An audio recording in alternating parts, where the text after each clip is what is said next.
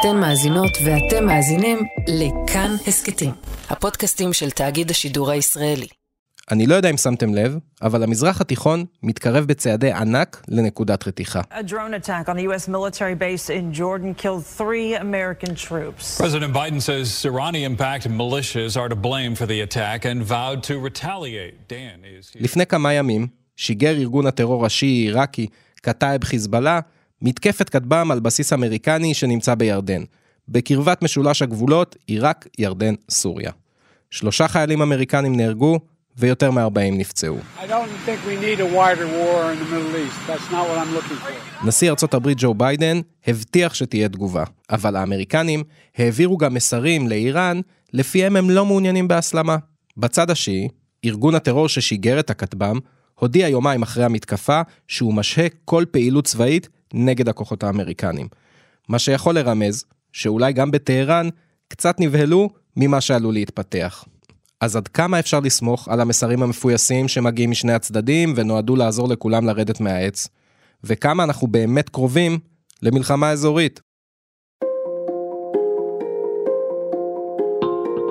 שלום, אתם על עוד יום, הסכת האקטואליה של כאן. אני יותם רוזנבלד. היום נדבר על המיליציות השיעיות בעיראק, שמאיימות לקרב את וושינגטון וטהרן לעימות ישיר. הצטרפו אלינו ראש תחום העולם הערבי בכאן חדשות רועי קייס, ודוקטור רונן זיידל, חוקר עיראק ממרכז דיין באוניברסיטת תל אביב, שיסבירו איך נולדו הארגונים האלה, המיליציות השיעיות בעיראק, ועד כמה הדוק שיתוף הפעולה בינם למשמרות המהפכה.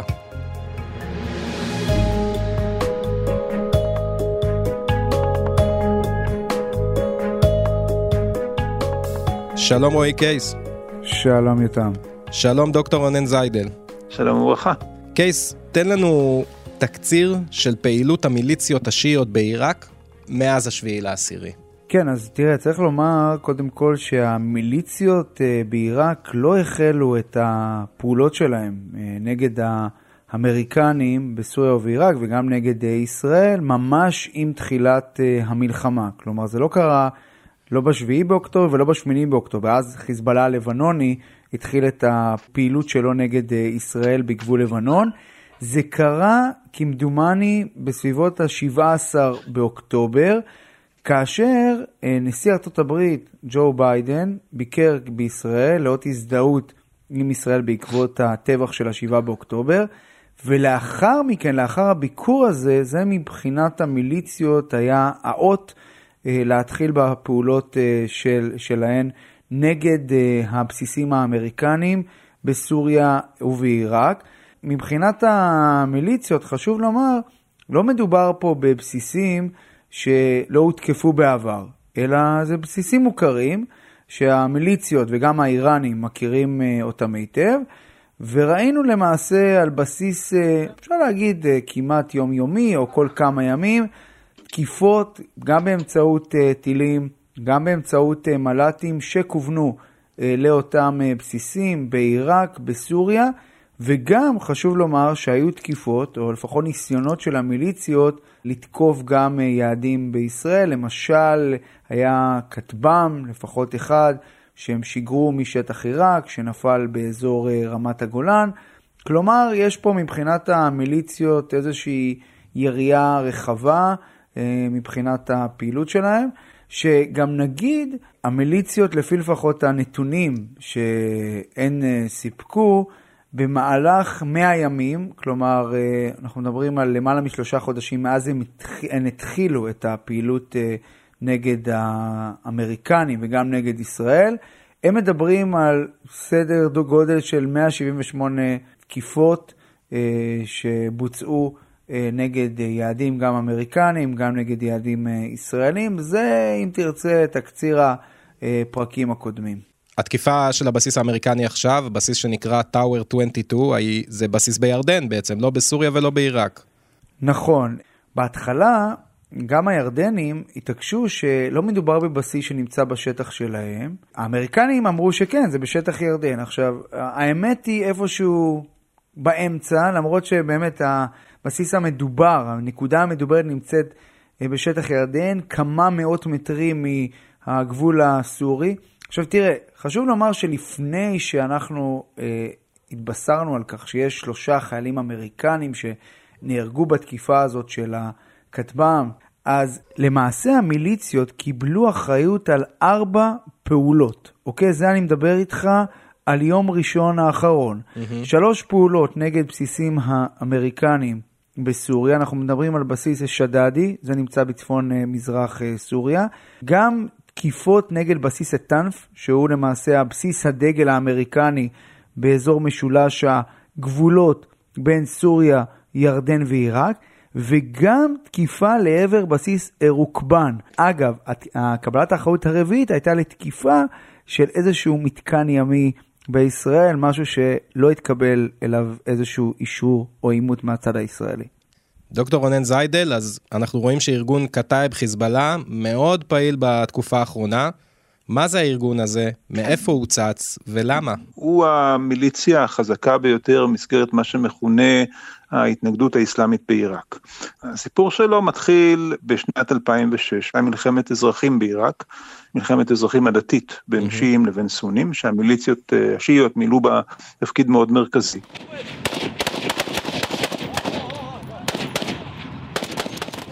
בשנה הזאת מוקם הארגון הזה על ידי אה, מה שנקרא גיס אל-קודס, הגיס האיראני שמטפל בענייני עיראק, המפקד אז היה קאסם סולימני, היום זה אסמאעיל קאני.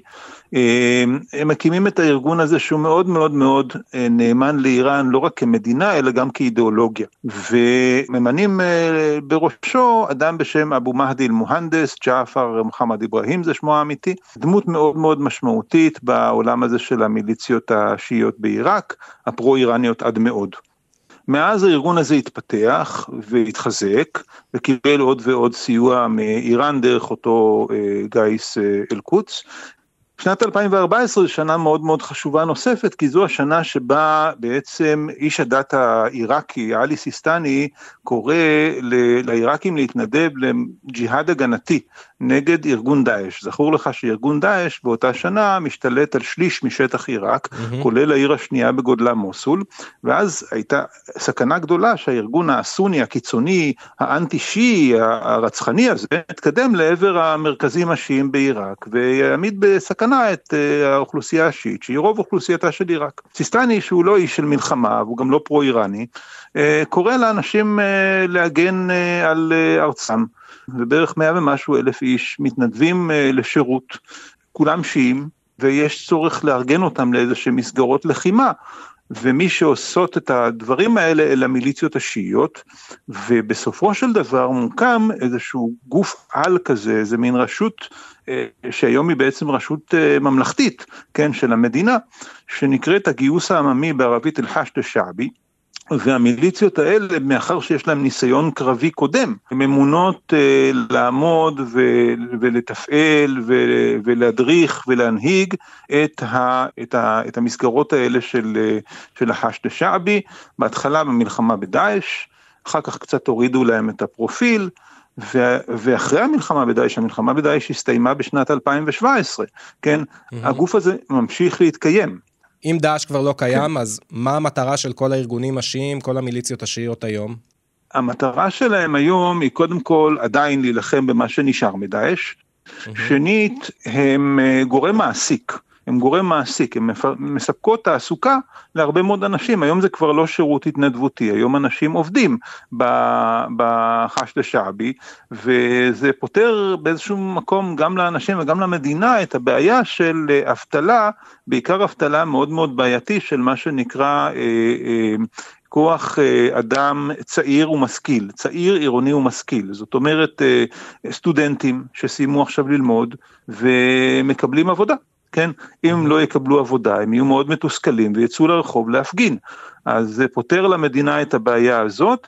בנוסף, אה, אסור לשכוח שעיראק בפועל נשלטת בעצם על ידי השיעים.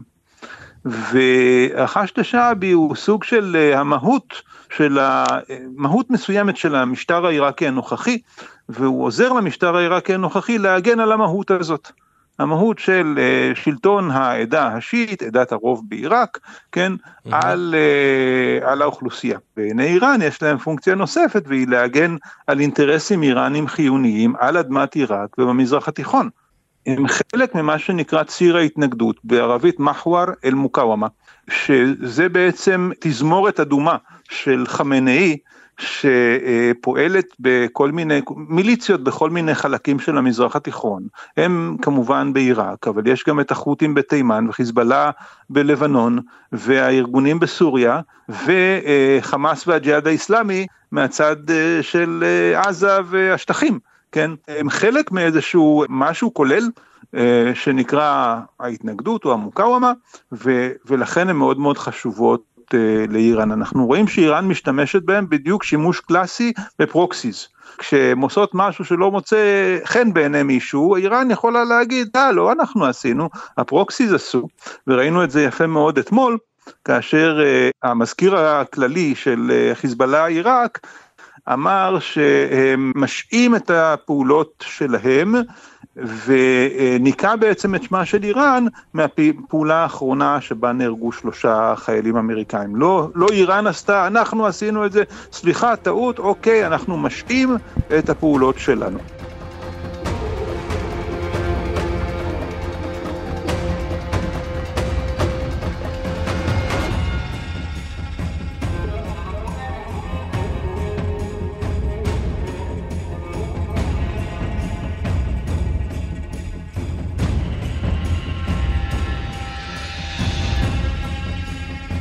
קייס, אני רוצה לשאול אותך משהו שדוקטור רונן זיידל נגע בו עכשיו, אה, לגבי שיתוף הפעולה בין איראן לפרוקסיס, למיליציות השיעיות, במקרה הספציפי הזה בעיראק. עד כמה כל הקבוצות האלה, החיזבאללה והחיזבאללה בעיראק והחות'ים, עד כמה הם מקבלים פקודות ישירות מטהרן ועד כמה יש להם איזה צ'ק פתוח לפעול? תראה, זו שאלת, אה, אם תרצה, שאלת אה, מיליון הדולר, כי אני חושב שבסופו של דבר יש את מה שנקרא רוח המפקד, או רוח הפטרון. אבל אני חושב שזה יהיה קצת אה, מרחיק לכת לבוא ולומר שכל פעולה אה, שהמיליציות מבצעות זה מה שנקרא טלפון שחמינאי מרים אה, למפקד אה, המיליציה של אה, חיזבאללה עיראק או למיליציה אחרת שמקבלת מימון מאיראן. אני חושב שבסופו של דבר יש פה את, אה, באמת את, את הקו המנחה או את הגישה הכללית והראיה הכי טובה לכך היא שלמעשה ההודעה של אה, גדודי חיזבאללה העיראקי, שזאת, אה, אם תרצה, מיליציית הדגל של טהרן על אדמת עיראק, הגיע אחרי שמפקד כוח קוץ האיראני, כהני, הגיע לבגדד, נפגש עם מפקדי המיליציות הפרו-איראניות, נפגש גם לפי הדיווחים עם ראש ממשלת עיראק, ולמעשה הוא זה שאמר למיליציות, חבר'ה, הגיע הזמן uh, להירגע, כלומר, לחלוטין, יש פה, יש פה מעורבות איראנית, ב, אם תרצה, בקו המנחה. אבל האם יש אה, מה שנקרא אוקיי איראני לכל פעולה ופעולה, זה קצת לפחות לי קשה לומר בצורה ודאית. כמובן שהאיראנים יש להם השפעה משמעותית, כי בסופו של דבר הם אלה ששמים את הכסף, הם אלה שמעבירים את אמצעי הלחימה, מן הסתם גם מספקים מודיעין למיליציות האלה, אבל אני חושב שבסופו של דבר, לגבי פעולה כזאת הספציפית, ייתכן מאוד שזאת פעולה, mm-hmm. מבחינת ה, מה שנקרא מיליציות, שהצליחה יותר מדי, ולכן האיראנים, מה שנקרא, הגיעו לבגדד כדי להגיד למיליציות, חבר'ה, צריך קצת להירגע, כיוון שבסופו של דבר אנחנו לא רוצים, הרי מה החשש של האיראנים? החשש הגדול של האיראנים, יותם, mm-hmm. הוא שאיך אומרים, האש תלחך בגלימתם, את שולי גלימתם, זה הסיפור. כי הרי בסופו של דבר, אין להם בעיה הרי שהאמריקנים יתקפו יעדים של המיליציות אה, ב, אה, ברחבי עיראק. כן. הבעיה היא כאשר האמריקנים יחליטו, אם הם יחליטו, לתקוף יעדים שקשורים לאיראן ישירות, או לתקוף אפילו על אדמת איראן, וזה דבר שמה שנקרא בטהרן רוצים למנוע, ולכן הם מנסים גם לאותות ובמופתים לבדל את עצמם מההתקפות של המיליציות השיעיות ובראשן של גדודי חיזבאללה העיראקי. דוקטור זיידל, אני רוצה לשאול אותך, למה עיראק כל כך חשובה לאיראנים? כי אנחנו שומעים עכשיו על המיליציות הפרו-איראניות, המיליציות השיעיות, ואנחנו יודעים שבעבר גם היה מלחמת איראן-עיראק, זאת אומרת, זה תמיד היה איזה איזה אזור שהוא מאוד חשוב לאיראנים, האזור העיראקי, ואני קצת רוצה שתעזור לנו להבין למה. יש כמה אינטרסים מאוד מאוד בסיסיים. הזכרת את מלחמת עיראק-איראן, אז האינטרס האיראני ביודעם שבעיראק יש רוב אה, שיעי ואחרי 2003 הרוב הזה באמת בא לידי ביטוי פוליטי. האינטרס האיראני הוא קודם כל אה, שעיראק אה, לא תהיה מדינה עוינת לאיראן כפי שהייתה תחת שלטונו של סדאם חוסיין. כדי לעשות את זה אתה צריך להשפיע על השלטון שם ואתה צריך להביא את האנשים שלך לשלטון שם ומייצר באיזושהי צורה כזאת סוג של מדינת בובות מאוד משמעותית עם גבול מאוד מאוד ארוך עם איראן יש 1285 קילומטר של גבול בין שתי המדינות האלה, גבול די בעייתי בחלקו. אז אה, אתה רוצה להשפיע מהסיבות האלה. הסיבה השנייה שהיא רק עלולה להביא צרות נוספות, לא רק אה, סדאם חוסיין, עלול להיות שם דאעש, בעיראק יש כורדים, והכורדים אה, חיים גם מעבר לגבול באיראן, ואנחנו יודעים שהארגונים הכורדים האיראנים, האופוזיציונים באיראן, מוצאים מקלט בעיראק אצל הכורדים, ואיראן מאוד לא אוהבת את הרעיון הזה, ובעצם לפני כמה ימים תקפה בעצמה יעדים כורדים באזור ארביל, והרגה משפחה שלמה של אה, כורדים, לטענתם זה היה מטה של המוסד, אבל... אתה קונה את זה, דוקטור זיידל? מעבר לזה, לא, ממש לא, ממש ממש לא. אה, מעבר לזה, בראייה האזורית של איראן אין סהר שיעי, אני יודע שמדברים על סהר שיעי שמתחיל בטהרן, מסתיים בים התיכון. סהר שיעי כזה לא יכול להתקיים אם אין לך את עיראק כמדינת מעבר.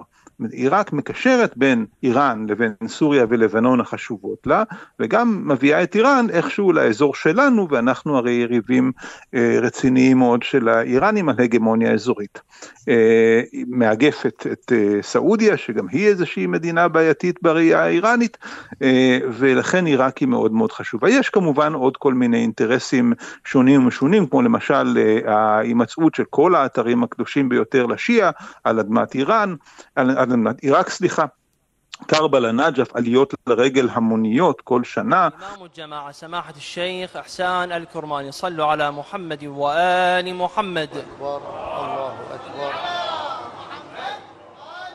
שזה אינטרס אה, חשוב בפני עצמו, ודבר נוסף שאנחנו אה, קצת פחות מדברים עליו, אבל הוא מאוד מאוד משמעותי, איראן כרגע סובלת מסנקציות, ועיראק מהווה עבורה ערוץ חשוב מאוד לעקיפת הסנקציות האלה, בעיקר אה, אה, בתחומים של אה, נפט, בתחום הכלכלי, בתחום של מטבע זר. עיראק מספקת לאיראן בדרכים שונות ומשונות, באמת שונות ומשונות, דולרים, שאיראן לא יכולה להשיג בגלל mm-hmm. משטר הסנקציות הבינלאומי שעדיין קיים ועדיין מציק לה. ולכן השליטה בעיראק היא לא רק שליטה פוליטית וצבאית, אלא גם כלכלית. רועי, אני רוצה לשאול אותך, כי אנחנו מכירים מהפרוקסיס האיראנים באזור, שהם גם מאוד מעורבים בממשל המקומי. בלבנון זה חיזבאללה שהוא מפלגה בפרלמנט, בתימן זה החות'ים שפשוט השתלטו על המדינה. עד כמה הארגונים, המיליציות הפרו-איראניות, המיליציות השיעיות בעיראק, מעורבות גם בשלטון? אז אני חושב שבהמשך למה שרונן אה, הזכיר קודם לכן, בראייה האיראנית, כדי שאתה תיצור שלטון נוח שיהיה לך במדינה מסוימת, אתה חייב גם לחדור לפוליטיקה הפנימית. כלומר, אתה לא צריך רק boots on the ground בדמות אה, מיליציות שאתה תומך בהן מבחינת uh, כסף, מבחינת אמל"ח, מבחינת מודיעין, כמו שקורה עם המיליציות הפרו-איראניות בעיראק, mm-hmm. אלא אתה גם צריך דריסת רגל במוסדות השלטון. והאיראנים לחלוטין uh, עובדים בזה.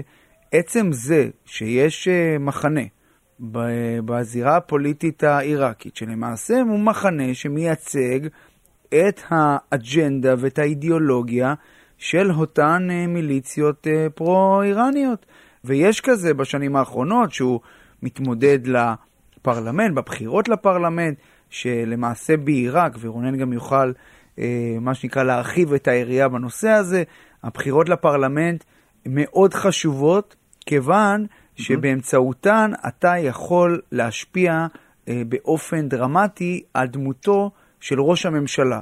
ראש הממשלה הוא דמות שבעיראק מגיע מהעדה השיעית. המפתח הזה, המפתח הדתי הזה, אגב, שקצת מזכיר לנו אולי את לבנון, אבל עם טוויסט בעלילה, ראש ממשלה שיעי, יושב ראש פרלמנט סוני, נשיא כורדי, כאשר המשרה הביצועית והחשובה היא של ראש הממשלה, כיוון שראש הממשלה מוגדר גם בעיראק כמפקד העליון של הכוחות המזוינים. כלומר, הסמכויות המשמעותיות מצויות בידיים שלו. ואגב, חשוב לומר שבעדה השיעית בעיראק יש כאלה שלא בהכרח אוהבים את המעורבות האיראנית, ויש uh, מה שנקרא uh, גורמים ואנשים ואישים שניסו בשנים האחרונות מה שנקרא לתת קונטרה, לא מאהבת ציון ולא מאהבת ארצות הברית, אלא בגלל שהם מזהים שההשפעה האיראנית הופכת את עיראק לבת ערובה, מחלישה את השלטון המרכזי בבגדד, ולמעשה הופכת את עיראק למדינה שבה שולט שלטון בובות, שטהרן מזיזה אותו אה, כאוות נפשה. אה, היו למשל, היה למשל את מוקתדא א-סאדר, איש הדת השיעי המשפיע, אה, הסיסמה שלו היא עיראק לעיראקים, אה, מוקתדא א-סאדר מצייר את עצמו כפטריוט עיראקי, מי שנגד המעורבות גם האמריקנית בעיראק, גם המעורבות האיראנית בעיראק, אבל בסופו של דבר, למרות הכל, כשאנחנו מסתכלים על ראש הממשלה הנוכחי שנמצא בשלטון, זה הגיע, הנוכחות של מוחמד א-סודני, אחרי מאבק לא פשוט בתוך העדה השיעית, כלומר, מאבק בין המחנה הפרו-איראני לזה של מוקתדא א-סאדר, שיצא עם ידו על התחתונה במאבק הזה, אחרי שהוא הוציא לרחובות את אנשיו, במחאה על הרצון של המחנה הפרו-איראני להתעקש על המועמדות של מוחמד א-סודני, מי שנתפס כאיש, אה, מה שנקרא, שמזוהה יותר עם האיראני, מזוהה עם ראש ממשלת אה, עיראק לשעבר נורי אל-מאליקי, שידוע מאוד בקרבתו לאיראנים. בסוף הם הצליחו, ומוקתדא א-סאדר פרש מהפוליטיקה. על אף זאת חשוב לומר שהאיראנים נתקלים בלא מעט אתגרים בזירה הפוליטית העיראקית, ורונן יכול, מה שנקרא, לקחת את זה מכאן ולהרחיב את היריעה. יש עוד טוויסט בעלילה בעיראק, והוא שבאמת הבחירות לפרלמנט הוא מרכז החיים הפוליטיים, בחירות אה, דמוקרטיות של כל האוכלוסייה. אה, לא מכיר הרבה מדינות ערביות שבהן זה ממש קורה בצורה כזאת, באמת אה, בחירות חופשיות ו... וכן הלאה וכן הלאה. והביטוי הפוליטי של המיליציות האלה בפרלמנט הוא זניח ביותר. יש להם כרגע אה, שני חברי פרלמנט מתוך 329 חברים בפרלמנט העיראקי.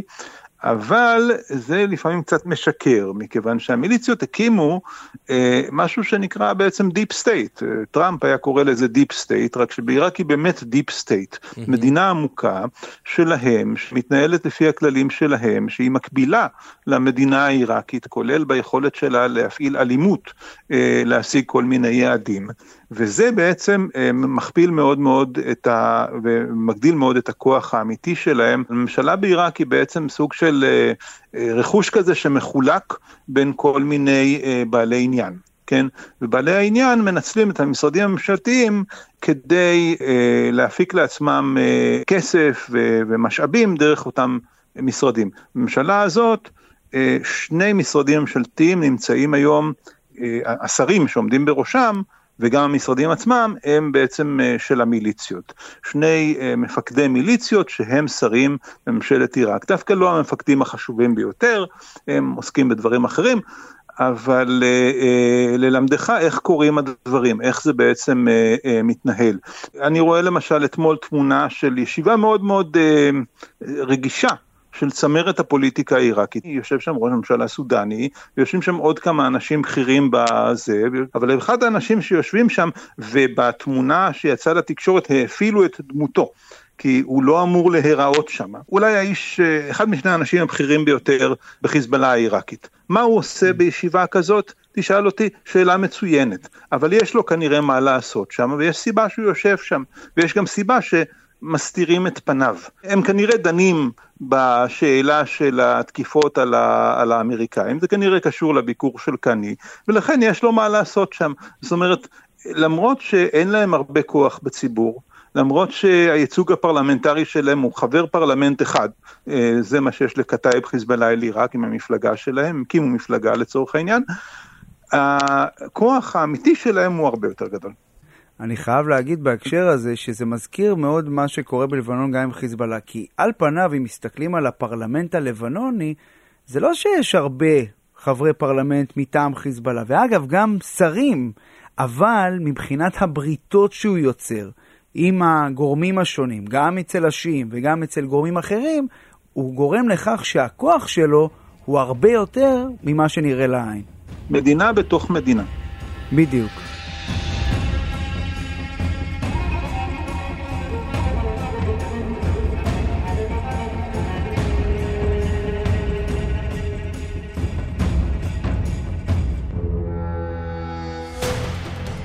לקראת סיום, קייס, אני אשמח אם ככה, תוכל אולי להעיר לנו קצת, עם א' כמובן, איך הולכת להיראות התגובה האמריקנית, מה הקווים האדומים של איראן בתוך השדה משחקים הזה שעכשיו הולך להתפתח בעיראק, מה אנחנו צפויים לראות בימים הקרובים, בשבועות הקרובים בזירה הזאת. כן, אז חשוב לומר שעד ההרג של השלושת האמריקנים, שלושת החיילים האמריקנים בתקיפה הקטלנית בגבול אה, ירדן-סוריה, כבר ראינו תגובות מצד אה, ארצות הברית, אה, תגובות כולל לפני כמה ימים שנגעו לבסיסים, נכסים של המיליציות הפרו-איראניות, גם בגבול סוריה-עיראק, גם ראינו חיסול של מפקד בכיר בתנועת אל-נוג'בה, אחת מהמיליציות הפרו-איראניות, ראינו את זה בשבועות האחרונים באזור בגדד.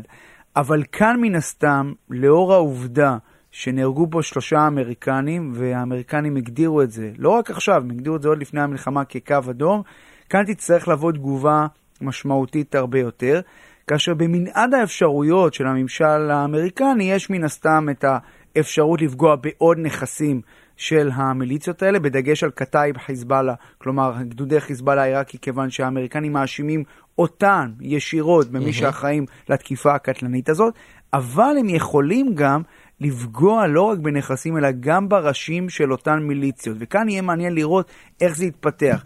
כי אני מזכיר לך ולמי שמאזין לנו, שלפני ארבע שנים, כל האירוע הזה שנגמר בחיסולם של קאסם סולימני, מפקד כוח הקוץ האיראני, ואותו אבו אל-מוהנדיס, אה, מי ששימש כמפקד העל של המיליציות וגם של גדודי חיזבאללה העיראקי, החל בזה שהמיליציות אה, תקפו איזשהו בסיס בקירקוק שהוביל למותו של עובד קבלן אה, אמריקני, ואז זה הוביל להתגלגלות אירועים, ככה שבאמת הובילה בסופו של דבר לחיסול, של, לחיסול הדרמטי לפני אה, ארבע שנים.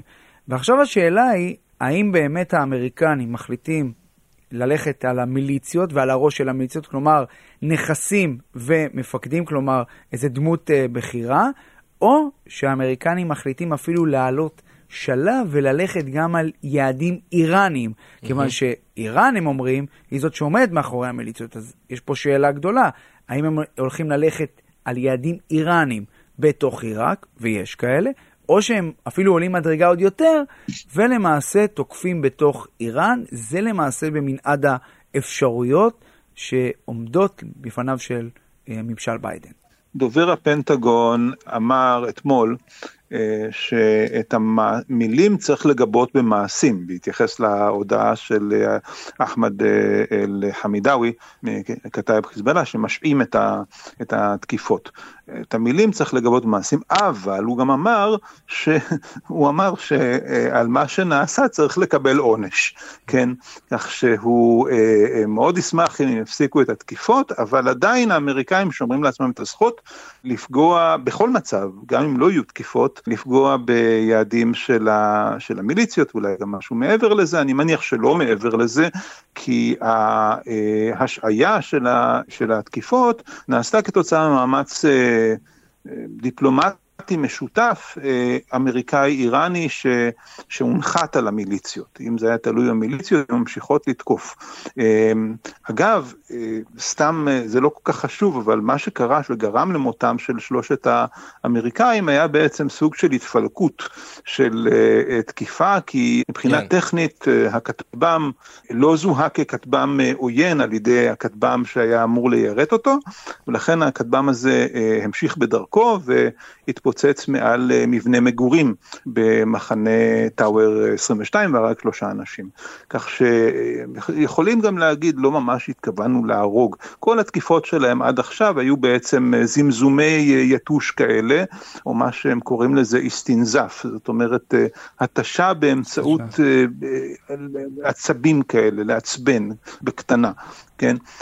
אבל uh, האמריקאים שומרים לעצמם את הזכות uh, לתקוף, עכשיו הם קצת נשמעים כמו האיראנים שאומרים אנחנו נגיב בזמן ובמקום שנראה לנו, אבל אני מניח שהזמן והמקום uh, יגיעו בסופו של דבר מתישהו. רק, רק חשוב לומר שגם אם המיליציות השעו את הפעילות, זה ממש לא המילה האחרונה, היעד הגדול של אותן מיליציות לגרש את האמריקנים מעיראק, זה היעד שהם חולמים עליו.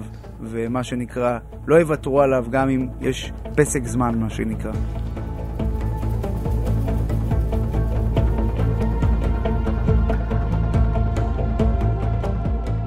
רועי קייס, ראש תחום העולם הערבי בכאן חדשות, תודה רבה. תודה. דוקטור רונן זיידל, חוקר עיראק ממרכז דיין באוניברסיטת תל אביב, תודה רבה. תודה לכם.